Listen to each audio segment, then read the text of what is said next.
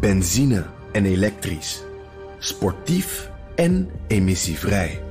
In een Audi plug-in hybride vindt u het allemaal. Ervaar de A6, Q5, Q7 en Q8 standaard met quattro vierwielaandrijving. Wat u ook zoekt, u vindt het in een Audi. Audi. Voorsprong door techniek.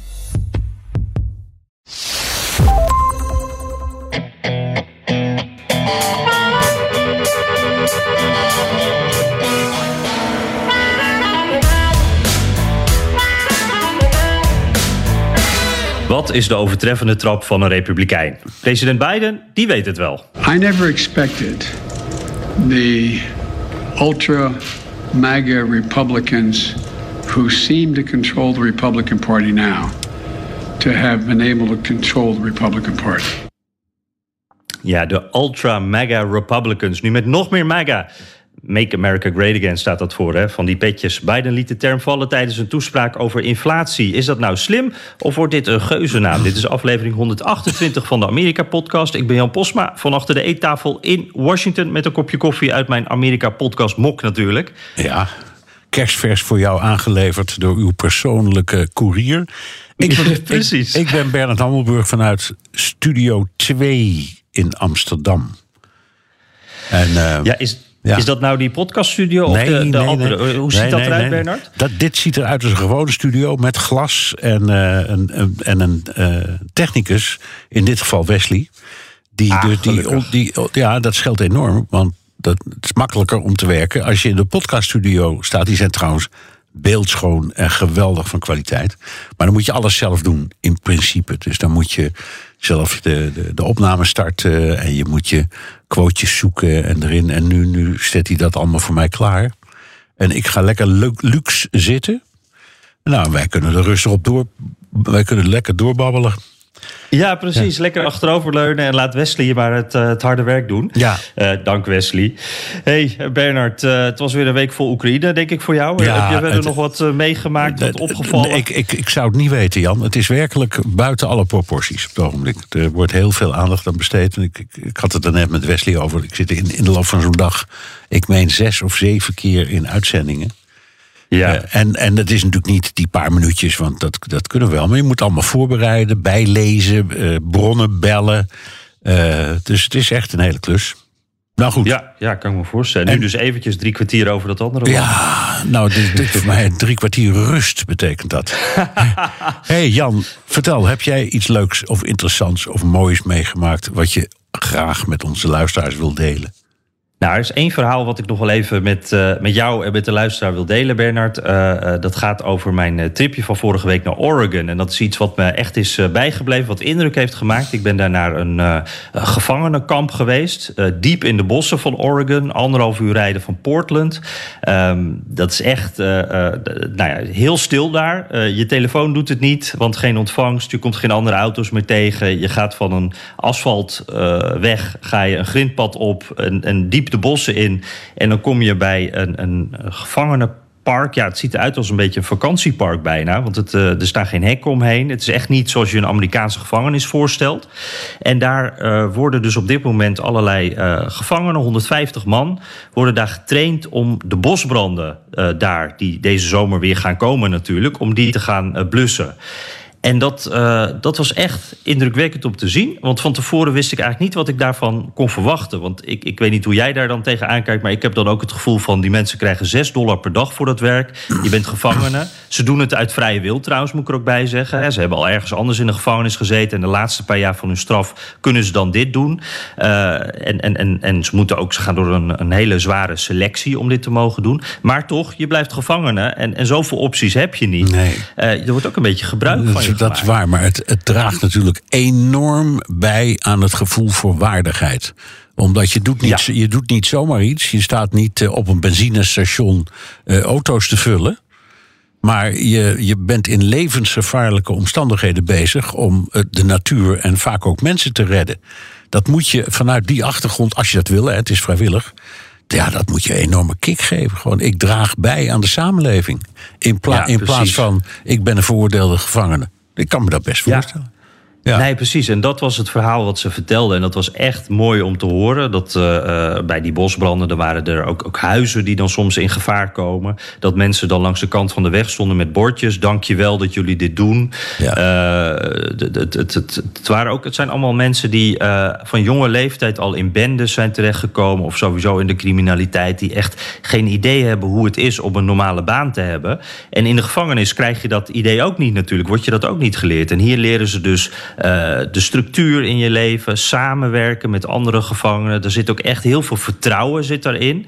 Dus daarin zit ook heel veel van het, ja, het opbouwen Ja. van het gevoel van eigenwaarde. Ja, begrijp ik.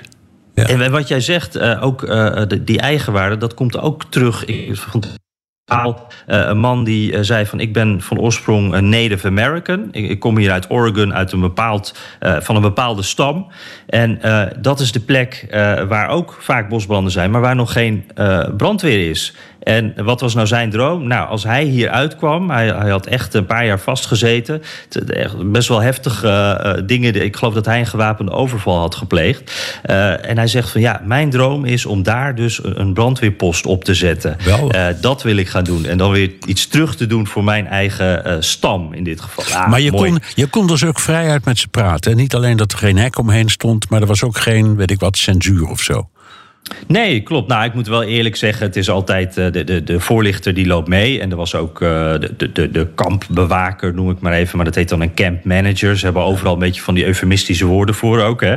Ja. Uh, het, waren ook het waren geen gevangenen, maar AIC's. En dat staat voor Adult Incarceration. Dat was dan de term die ze gebruiken. Ja. Dus dat, zo gaat het maar. Maar goed, daardoor heb je dus ook een wat, wat vriendelijker gevoel. En ik kon inderdaad met iedereen praten. En ik vond ook, uh, uh, ze waren heel open. Uh, er stond niet altijd iemand bij te controleren wat ze zeiden. En wat minder leuk was, dat noemden ze ook wel. Ja, leuk verhaal, fantastisch verhaal, Jan. Dit is nou typisch zo'n verhaal dat je zou moeten bewaren of meenemen. Of als je er nog meer vindt, als wij op 3 juni samen in Nieuwspoort een Amerika-podcast opnemen. Hè? Want, ah, ja, ja, ja, ja, ja. zeker. Ja, jij jij reist doet, die hele grote oceaan over en schuift dan naast mij aan in het centrum van de macht. Namelijk Nieuwspoort in Den Haag, het perscentrum dat zit, vastzit aan de Tweede Kamer. Althans, ja. als de Tweede Kamer een normale zitting is, die is nou een tijdje lang weg, hè, zoals je weet. Maar goed, Nieuwspoort is er nog steeds. En uh, daar wordt in samenwerking met het Haags College en BNR doen wij daar dan onze podcast uh, met publiek. Ja, dat wordt echt een uh, bijzondere avond. Ik heb er echt heel veel zin in. En uh, ik uh, sprak uh, laatst de grote baas bij het Haags College, Freek Ewalsen. Die vertelde mij al dat het heel goed loopt met de kaartverkoop. Dus dat moeten we dan toch even noemen. Er zijn nog steeds kaartjes, maar je moet er wel snel bij zijn. Dus koop vooral die kaartjes. Het wordt echt een hele leuke avond. In ieder geval als het aan ons ligt. En we gaan dus een aflevering opnemen en nog allerlei andere dingen doen. blijft nog een verrassing. Wordt een mooie avond, Bernard. Ja, het wordt meer dan alleen maar gewoon twee met elkaar pratende mannen, denken wij. Al is het alleen al omdat het publiek erbij is. En dat is live. Dat hebben we normaal niet. Hè? Dus uh, die, je kunt misschien ook vragen stellen als je dat wilt. En we, we brengen ook nog een, uh, echt wel een hele leuke verrassing mee. Dus, ah, dus ben heel benieuwd. Ben ja. heel benieuwd. Ja, nee, dat wordt wat. hey, en uh, Bernard, dan moeten we toch ook maar eventjes met het, het, het nieuws van de week aan de slag. Hè?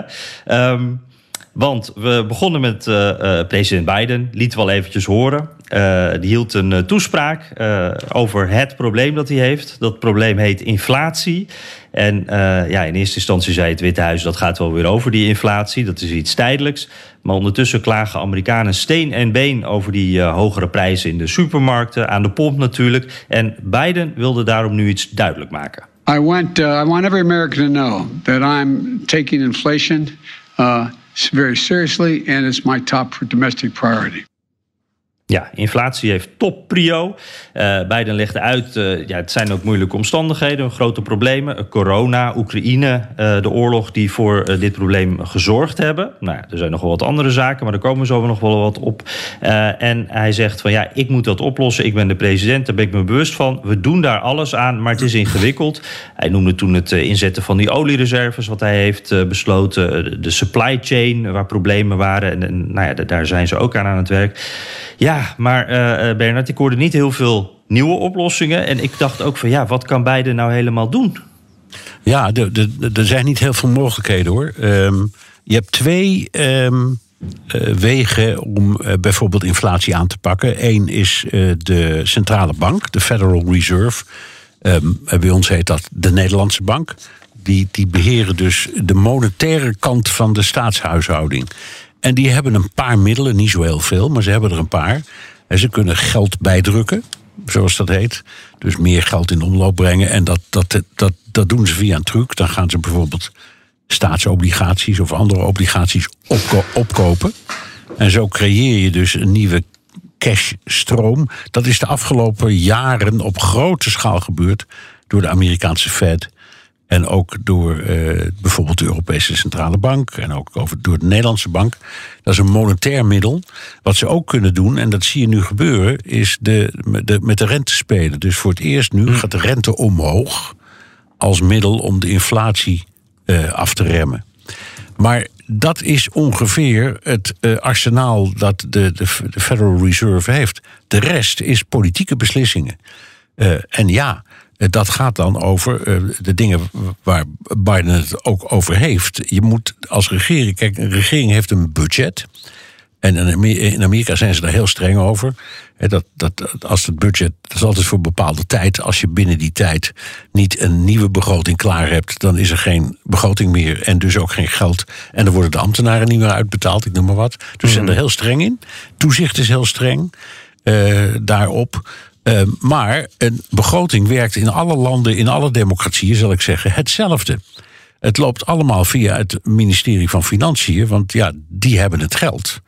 En alle andere departementen, dus laten we zeggen de verkeer, of buitenlandse zaken, of sociale zaken, of woningbouw, die moeten allemaal uit die pot die door het ministerie van, de, van eh, eh, Financiën wordt beheerd, daar moet het uitkomen. Dus als de een zegt, ik wil wat meer, dan krijgt de ander wat minder. Als de president zegt, ik ga een deel van de nationale olie- of benzinereserve inzetten.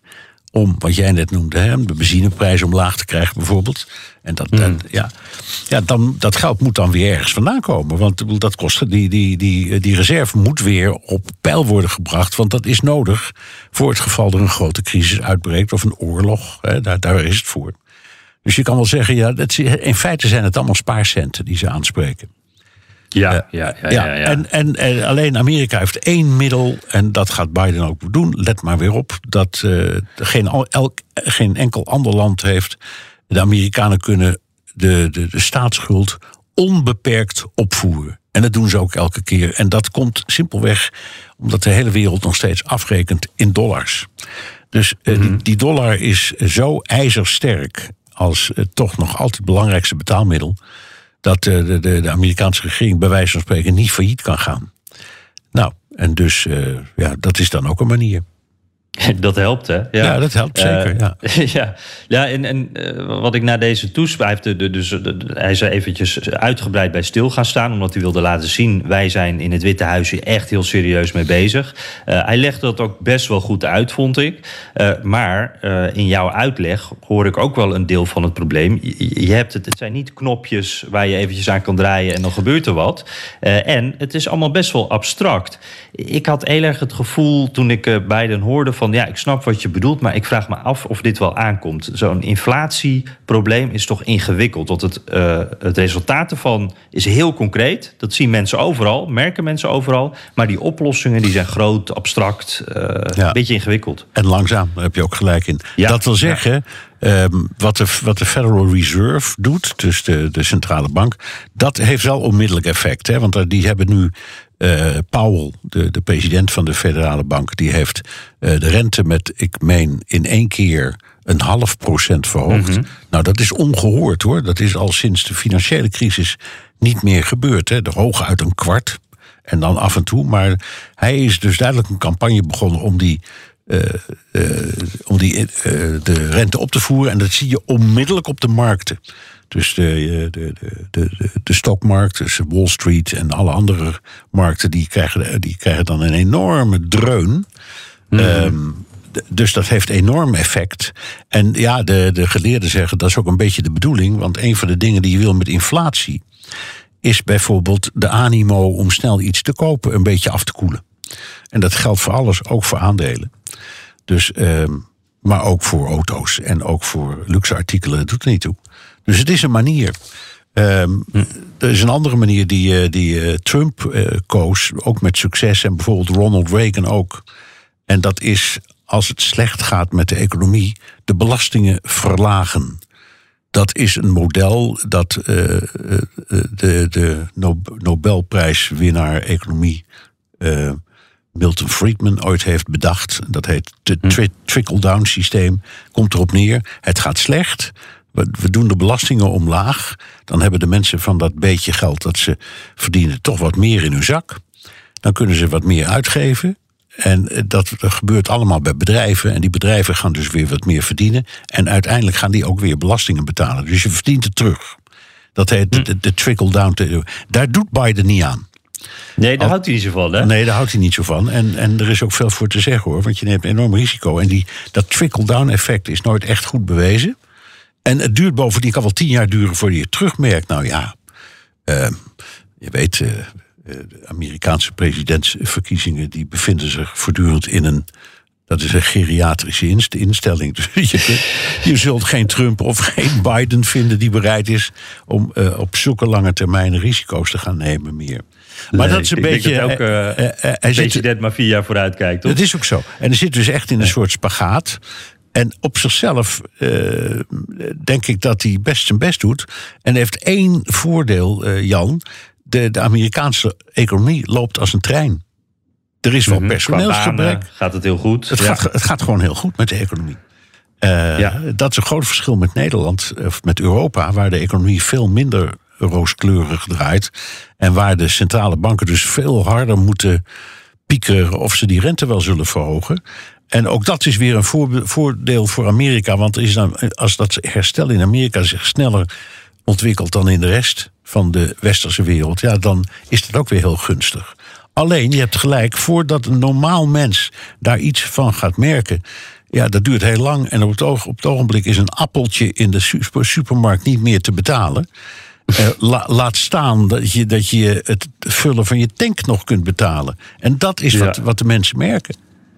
En de, daar is ook wel iets geks aan de hand. Want jij zegt inderdaad, die, die banen, daar gaat het uh, historisch goed mee.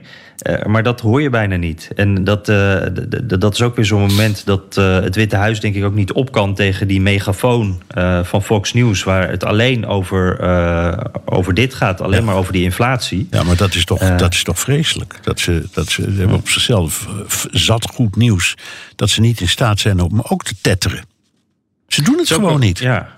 Nee, nou ja, dit, dit was dus denk ik een poging van Biden om ja. eventjes te tetteren. Alleen het blijft wel wat hangen in het defensieve. Hè? Hij heeft dit ook verteld trouwens hoor, dat het goed gaat met die banen. Ja.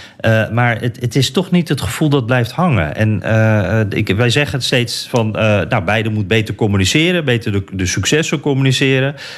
nu probeert hij dat, maar ik ja, ik, het, het, komt dan toch niet helemaal over. En dat komt misschien ook omdat die inflatie, het is zo lekker concreet. Je, je hoeft maar een benzinepomp te laten zien en dan, dan snapt iedereen waar je het over hebt. Ja. En dit blijft toch moeilijk, hè? Ja. Ja, nee, hey, en, en bij de. Ja, ja? Ga gang.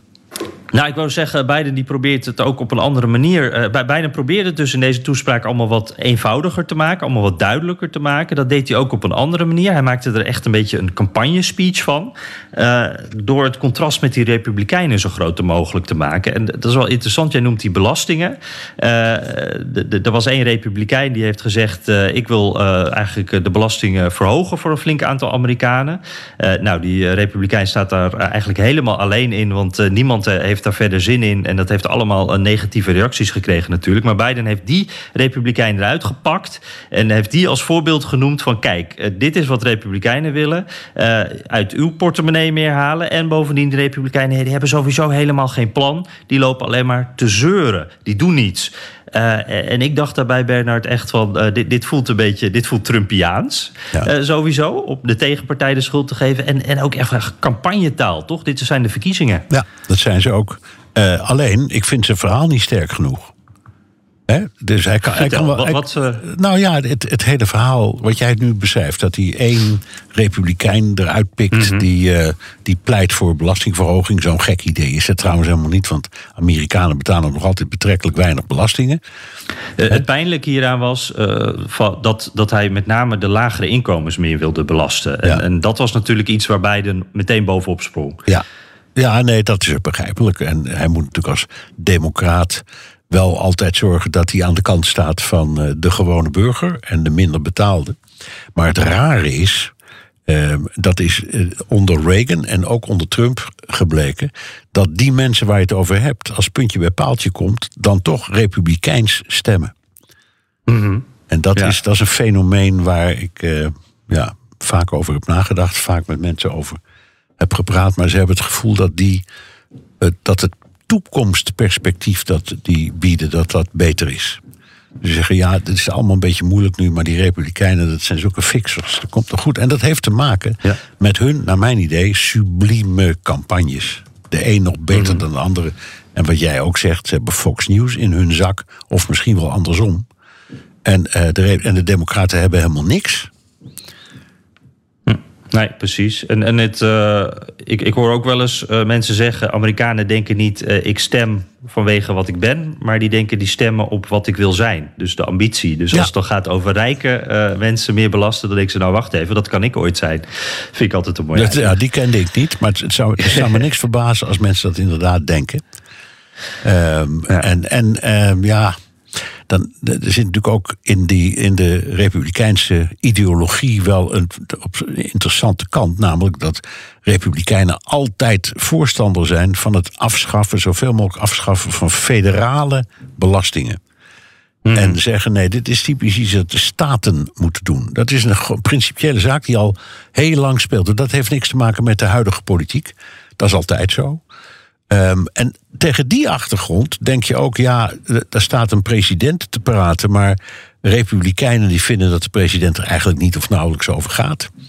Dat moeten wij in onze eigen gemeentes en gemeenschappen en provincies en staten oplossen. Ja, eigenlijk val ons niet lastig. Laat Nee. ons lekker werken zonder te veel regels en dan komt het goed. Ja, en we snappen best dat er wat nodig is voor eh, wegenbouw. En wat er dan zijn ze het eens geworden over verbetering van de infrastructuur. En, dat- en er moeten vliegvelden onderhouden worden. En je hebt, eh, nou, zo heb je, je hebt een, een krijgsmacht nodig. Nou, dat moet dan allemaal federaal. Maar voor de rest eigenlijk niks, vinden ze. De meesten vinden dat.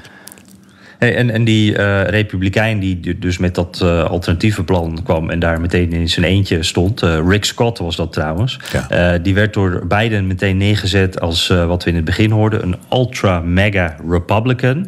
Dat is een term die Biden nu voor het eerst, nou hij heeft het wel eens wat eerder, maar nog niet in een toespraak heb ik het hem horen zeggen. Dit wordt het nieuwe woord, lijkt het, ultra-mega Republicans. Ehm hij, eh, hij- hij, hij probeert eigenlijk, eh, voor mijn gevoel, de Trump-vleugel binnen de Republikeinse Partij. Probeert hij zo te branden, probeert hij dat plakkaatje op te plakken. En eh, het klonk mij eigenlijk heel bekend in de oren, deze tactiek. Want het deed mij meteen ook aan eh, Donald Trump denken. Eh, wat Biden eigenlijk doet, is hij zegt: Mijn tegenstanders, de oppositie, of in ieder geval een deel daarvan, die zijn zo extreem, daar kan je eigenlijk niet mee samenwerken. Dat zijn mensen die eigenlijk ook niet aan jullie belangen denken, kiezer. Maar die, die, ja, die vooral bezig zijn met hun eigen extreme plannetjes. Ultra mega, dat is dus het nieuwe, het nieuwe plakkaatje wat erop zit. Ja. Wat vond jij daarvan? Vond je het slim? Of, Nee, eh, nee, Nee. Ik, nee, ik vind dat als je een campagne eh, motto zoekt, dan moet je dat in, uit eigen kracht doen. En je moet niet dat van de tegenstander gebruiken, want in feite doet hij dat. Dus hij plakt maar er, dat eh, is iets wat Trump ook jarenlang heeft gedaan. En voor Trump werkt het fantastisch. Ja, maar niet op deze manier. Die heeft toch geen democratische strijdkreetjes gebruikt voor zijn eigen campagne? En dat is dit, dat, Ah, dat is dat dit wel. Ja, ja. dat is dit wel. Ja. Eh, dus eh, ik, ik denk dat het tegen hem werkt. En dat eh, de Republikeinen hem er uiteindelijk gewoon hard om zullen uitlachen. Of dat ze het overnemen en zeggen: ja, we zijn niet alleen MAGA Republicans. We voelen onszelf eigenlijk wel ultra MAGA Republicans. Het is heel makkelijk om dat te doen. Ja. Ja. Nou, dat is grappig dat je dat zegt. Want dat zijn inderdaad, uh, dat, dat zag ik uh, de afgelopen dagen al een paar keer gebeuren. Uh, dat mensen inderdaad zeiden van ja, ik ben er trots op. En dat deed mij denken aan, dat is niet helemaal hetzelfde, maar toen Hillary Clinton het over de deplorables had. Ja. en toen ja, nou werd dat ook overgenomen door, door rechts-Amerika. Van wacht eens even, er werden t-shirtjes verkocht. Dat, mensen vonden het een geuze. Ja, I'm a deplorable. Ik herinner me nog die t-shirts en, uh, en, en uh, stickers en weet ik wat allemaal. Dat was ook wel een van de domste dingen die ik ooit in een politieke campagne heb zien gebeuren. ja. ja, precies. Die heeft ze nog flink terug. Die krijgt ze nog steeds want regelmatig. In, ja, want, want in feite, ja, joh, dat zijn dus verachtelijke individuen. Dat betekent het. Maar het is net of je zegt, ja, iemand die voor uh, de tegenpartij stemt, is debiel. Ik noem maar wat. Dat soort Mhm. dingen, nou, dat, dat gaat over alle grenzen. Dat heeft, Ja. dat heeft ook niet geholpen hè, in die campagne. Nee, en het past ook niet bij eh, democraten, denk ik. Dat is ook wel een probleem. En daar heb ik hier ook wel een beetje... Het, aan de ene kant vind ik het wel interessant... dat Biden probeert ook zich wat harder op te stellen.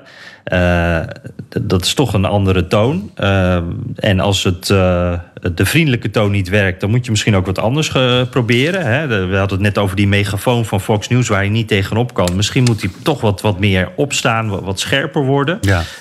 Maar ja, ik, ik, dit is hem niet volgens Nee. mij. Maar to- toen dacht ik ook, Bernard, van ja, als ik het nu zo op een rijtje zet. Hij heeft het nu eh, eventjes weer een keertje goed gezegd. Hij is deze week ook op reis om, die inflatie eh, eh, onder de aandacht te brengen. Wat ze er allemaal aan, aan het doen zijn. Hij valt die Republikeinen aan, want hij, die campagne is begonnen. En eigenlijk bij alles denk ik, ja, het is een beetje te weinig. Het is te laat, het komt niet goed aan. Maar ik weet ook niet wat hij dan wel zou moeten doen. Heb jij, jij enig idee, wat, wat moet Biden nou doen om, om dit gevoel te veranderen? Ehm, zoals elke politicus met een goed verhaal komen. En het is er niet. Het zijn allemaal losse onderdeeltjes in een verhaal. En die onderdeeltjes komen tot stand als compromissen tussen de linker en de rechtervleugel van zijn partij. En dat kan niet. Je moet je eigen koers kiezen en vasthouden. Eh, met alle risico's van dien. Dus je kunt enorme ruzie krijgen, ook in je eigen partij. Dat is hem trouwens al een paar keer gebeurd. Maar dat is toch wat je moet doen. En het, het, het overnemen van kreten van je tegenpartij, merken, zal ik maar zeggen, ja, dat is dom. Hoewel het is ook wel eens geslaagd. Het is een heel dat beroemde verhaal van de Tweede Wereldoorlog films. hè, Toen, eh, toen Amerika geld nodig had om eh, de, de krijgsmacht te financieren. En er werden, dan, er werden dan bonds, obligaties voor uitgegeven. War bonds. War bonds, en die kreeg, die kreeg je dan, eh, als je naar de bioscoop ging, dan kon je zo'n ding kopen. Hè. Ehm, en ehm, eh, daar hadden ze een, een, regisseur, Frank Capra, en die maakte dan propagandafilmpjes over de geweldige werken van eh, de, de Amerikaanse krijgsmacht. En er kwam geen cent binnen. Het, het, het werkte niet. En toen kwam Capra op een gigantisch idee. Die heeft alle beelden genomen die de nazi's gebruikten in hun filmpjes. Dus die, die, die beelden van Leni Riefenstahl, weet je wel, over de, Ja. de, de, de, de, de Olympische Spelen van 1936. En, en stukken toespraak van Hitler. En die heeft hij opnieuw gemonteerd. En de simpele boodschap was: kijk, zo erg zijn deze mensen nu. En toen stroomde het geld binnen. Ja, kijk, Dus dus je je kunt je- hun woorden tegen hun. Ja, dus je kan, als je slim genoeg bent, lukt het wel. Maar niet op deze klungelige manier zoals Biden dat doet. Echt niet. Gaat niet lukken. Ja. Ja. Ja. Hey, eh, dan, eh, dan nog eventjes eh, de teleurstelling bij progressief Amerika over ja, het, die hele kwestie van het Hoge Rechtshof. Dat het lekken van de, de, de, de eerste eh, v- eh, ja, eerste versie was Versie de van- draft. ja, van een voorstel om Roe versus Wade af te schaffen. Dat ging dan over abortus. Er zijn voor zaterdag weer grote demonstraties gepland in het hele land. En demonstranten gaan ook naar de huizen van de leden van het Hoge Rechtshof. We will not go back. We will not go back. We will not go back. We will not go back. Ja, dat was voor het huis van Brad Kavanaugh. Ehm, ja, dat is dus een van die drie die door Trump is benoemd, of benoemd, aangewezen. En waarvan wordt verwacht, waarvan eh, de, conservatieven de hoop hebben dat hij inderdaad er een voorstander van is om die wetgeving af te schaffen. Dat, eh, ehm, Zijn, die nou groot, Jan? Want je leest en hoort er veel, maar zijn, zijn dat grote demonstraties? Nou, ik vind dat eigenlijk best wel. En, dat, uh, je hoort hier dus inderdaad in de straat uh, voor het huis van Brad Kavanaugh. Dus ze staan echt nog net niet bij hem in de, in de voortuin. En daar staat dan echt toch wel, op sommige momenten staat daar 100 man. Uh, wat natuurlijk niet, uh, dat is geen miljoenenmars of zo. Maar in zo'n straatje, in zo'n chic, net wijkje, net in Maryland. daar komt dat toch wel aan hoor. En vooral als ze daar de hele dag tot, tot s'nachts laat ook staan. dat is best heftig. En ik heb ook afgelopen week in ieder geval één mars gezien. Waarbij volgens mij wel echt een paar honderd mensen waren. Uh, dat was naar een andere chique woonwijk. Toen was het naar uh, rechter Alito, hè, de man die die first draft die gelekt is. die heeft die, dat was de man die het geschreven had, ook een conservatieve rechter. En ze gaan eigenlijk naar alle huizen, naar alle conservatieve rechters in ieder geval, om, om dus verhaal te halen, om te demonstreren. Um, en het is wel, uh, uh, nou, dat is natuurlijk intimiderend voor die mensen. We weten niet of ze thuis zijn. Uh, dat, dat, dat, ik kan me best voorstellen dat ze zijn ondergedoken. Ze hebben ook gezinnen in veel gevallen, in de meeste gevallen. En we weten ook inmiddels dat die rechters ook bescherming krijgen. Er zijn marshals, er worden die kant opgestuurd en die beschermen die rechters dus in hun dagelijks leven ja. nu.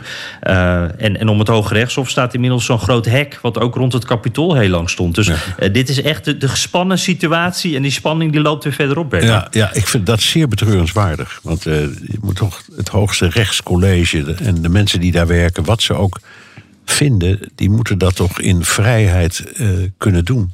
Het idee dat je ja. daar. Maar goed, dat is, dat, dat is een universeel programma.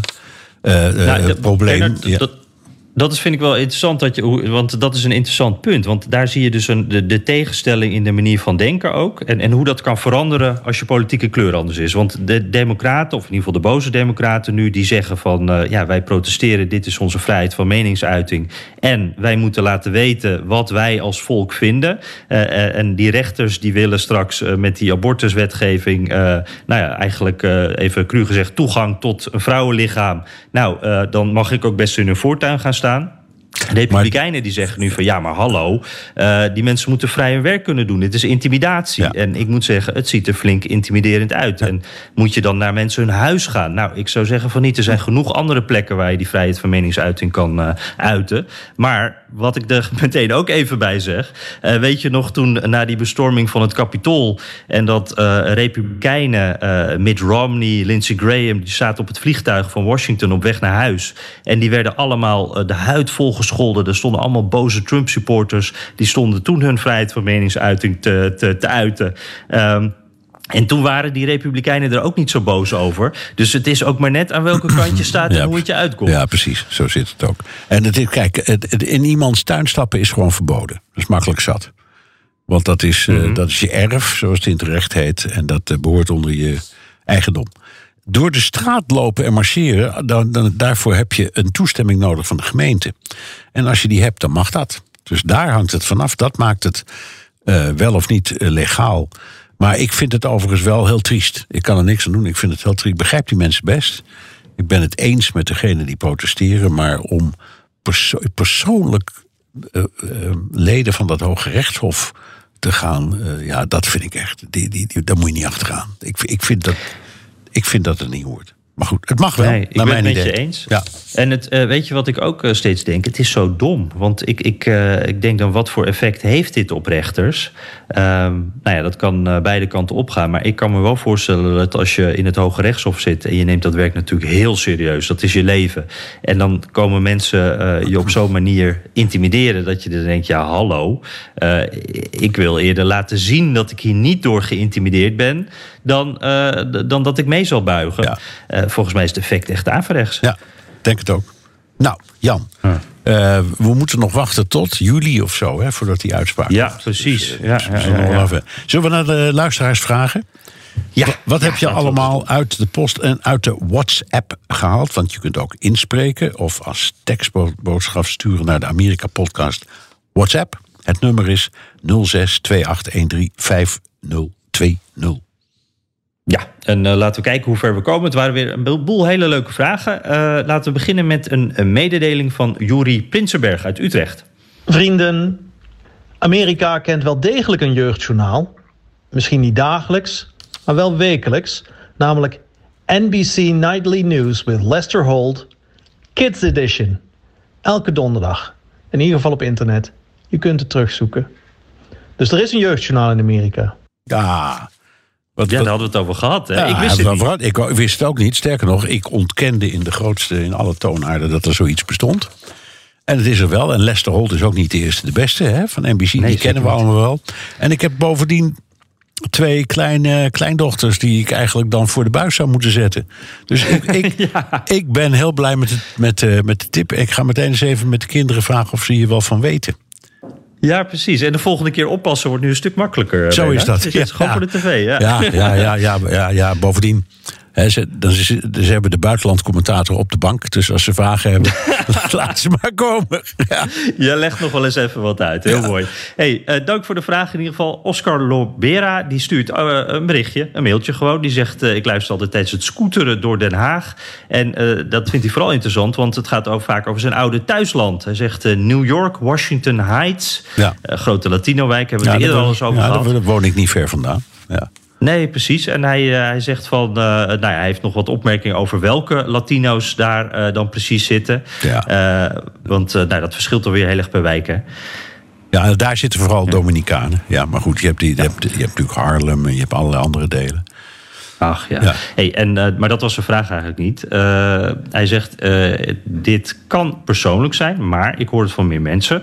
Waarom word je door de Amerikaanse border security bij aankomst in Amerika vaak als verdachte behandeld? Eh, en dat je dan het tegendeel moet bewijzen met een smiley erachter. Dat is heel anders dan in andere landen waar je vaak vriendelijk wordt welkom geheten. Was dit voor 9-11 ook al zo? En wat vinden jullie van deze houding van een wereldmacht? Man, wat ben ik blij dat Oscar dat zegt. Want als er iets is waaraan ik mij erger, dan is het precies dit. Je wordt inderdaad. ik heb het ook wel eens gevraagd aan eh, iemand van de border eh, police die ik sprak ergens. Ik weet niet meer wat. Op, Ni- niet op dat moment dat je Nee, nee, niet, ik, op- wel? nee, nee, nee. Ik heb bovendien nu zo'n global entry pasje, weet je wel. Dan Oh ja, stop, je, stop ja. je hem in een automaat en dan kun je zo doorlopen. Maar je, je staat natuurlijk te kijken. En inderdaad, iedereen wordt eh, gezien als potentiële verdachte. Potentiële misdadiger, tot het tegendeel is bewezen. Dus je moet van alles doen, je vinger afdrukken, er wordt een foto van je gemaakt. Het is een enorme procedure om binnen te komen. En als er dan zes, 600 mensen uit drie eh, aankomende vluchten staan. Nou, dan heb je een probleem. Ik snap er niks van. Was het voor 9-11 ook zo? Nou, wis en waarachtig. Het was Ja. al, ja, ik heb het nooit anders meegemaakt. En, en, en, en ik ben helemaal blij verrast als ik er eens één tref die een grapje maakt of iets aardigs zegt. Zo erg is het. Ja, dan sch- schrik ik vaak een beetje. Ja. Het is wel eens gebeurd. Dan denk ik, oh wacht, ging het zo makkelijk? En Ja, dan eh, denk je, oh, maar snel doorlopen dan. Ja, ik, ja, precies. En zeker als, als journalist binnenkomt, dan krijg je nog wel eens naar je hoofd van zeur een beetje fatsoenlijke stukjes over me schrijven of zo. Want dat soort dingen heb ik. precies. Ja. Nou, Ja, ja, ja.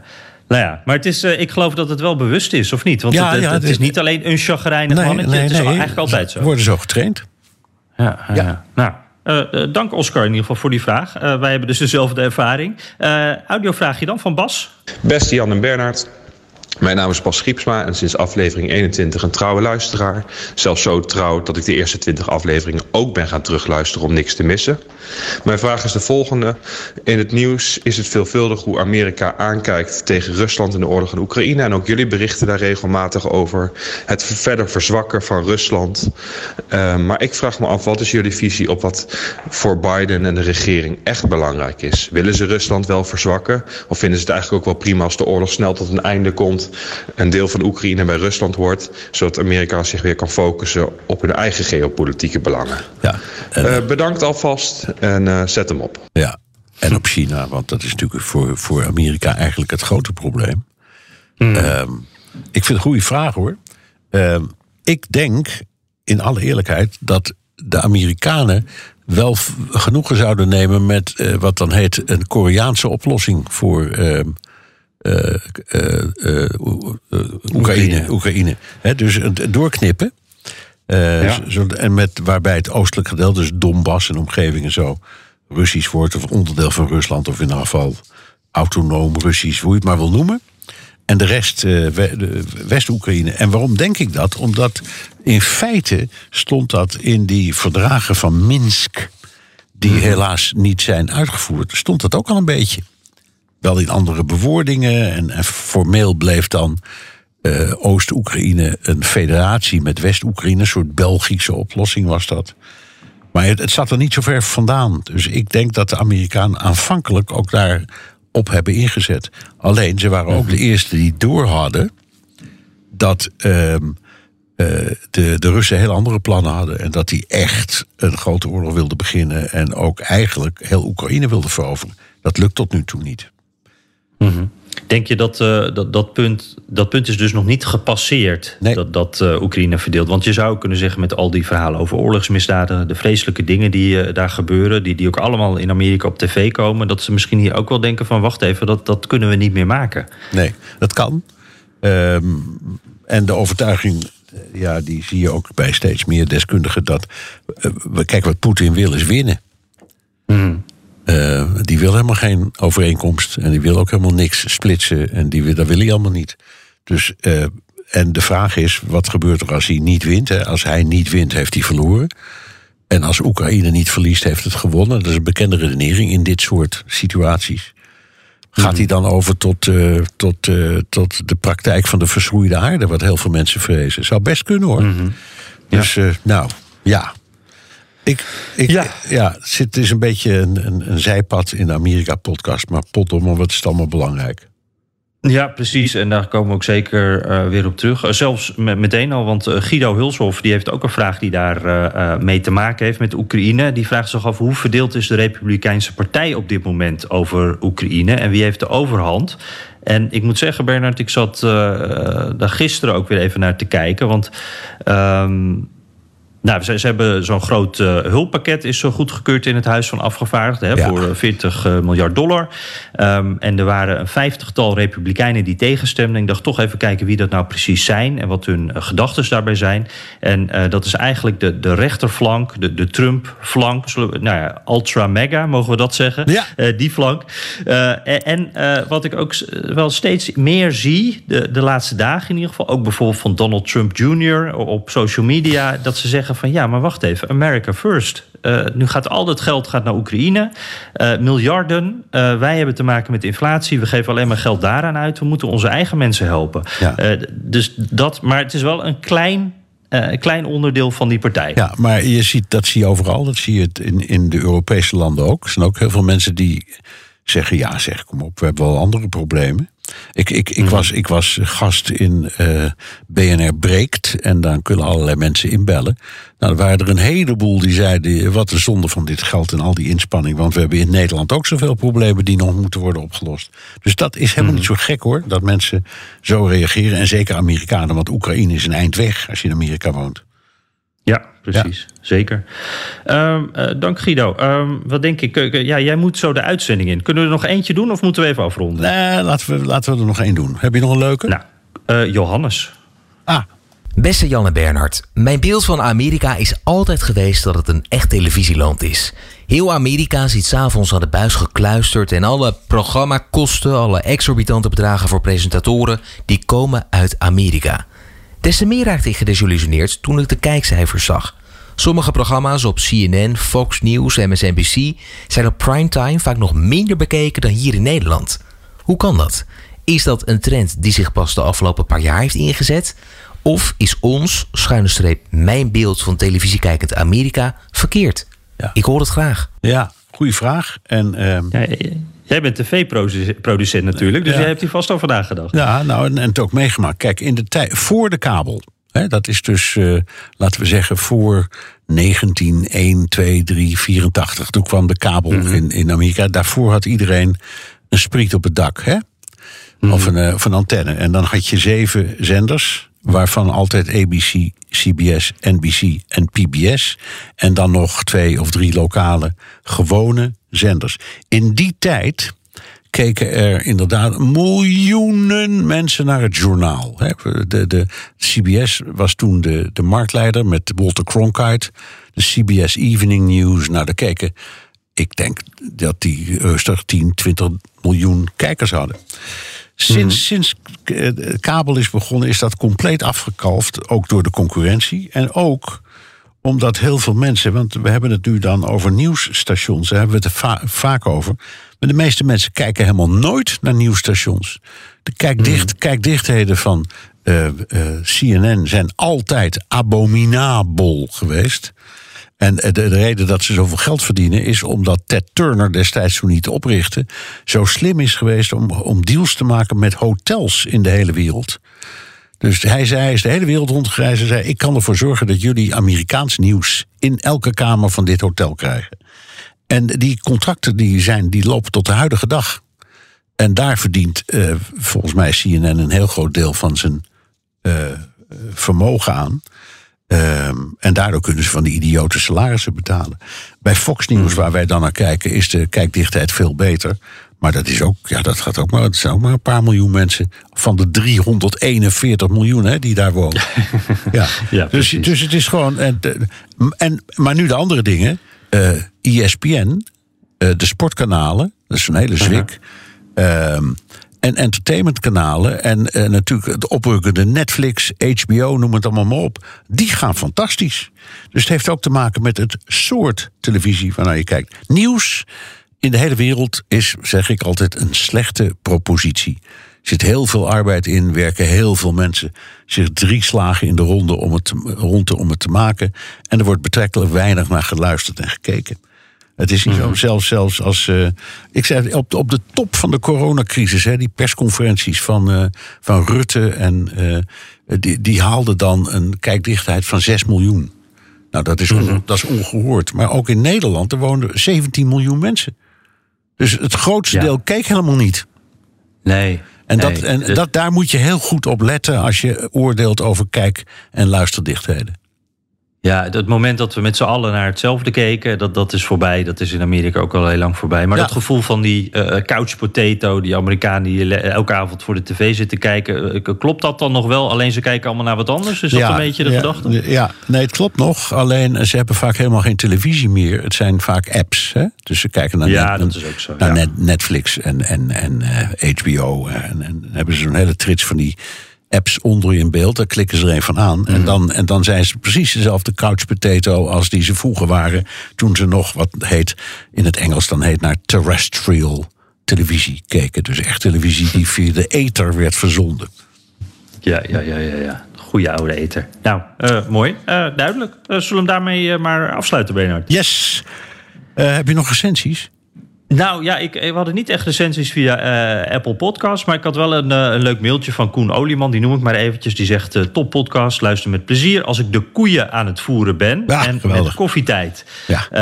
Hij bekijkt altijd de plaatsen die we bespreken even met Google Maps. Nou, Oregon, dat is South Fork, moet je dan even bekijken, Koen. Hij zegt, ga zo door met iets minder politieke AUB... maar meer dagelijkse praktijk. Nou, daar gaan we op letten. Ja, en hij heeft groot gelijk, want eigenlijk zijn dat de leukste dingen. hè.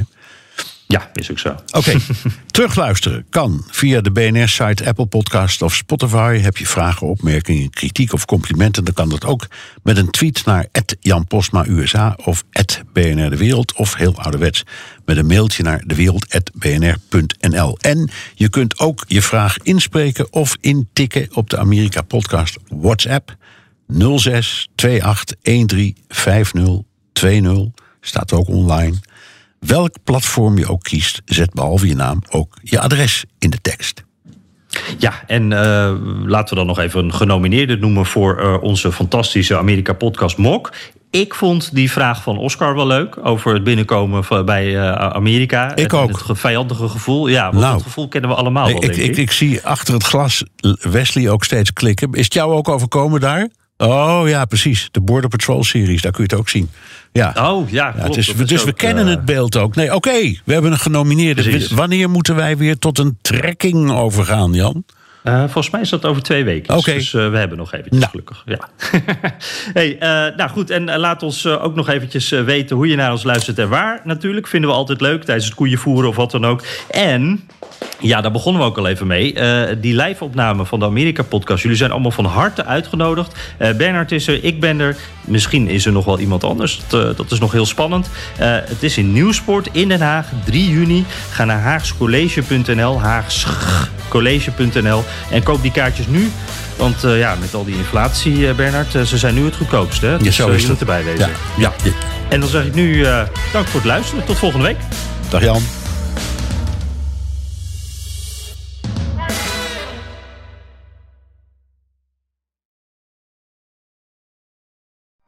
Benzine en elektrisch. Sportief en emissievrij. In een Audi plug-in hybride vindt u het allemaal. Ervaar de A6, Q5, Q7 en Q8 standaard met quattro vierwielaandrijving. Wat u ook zoekt, u vindt het in een Audi. Audi. Voorsprong door techniek.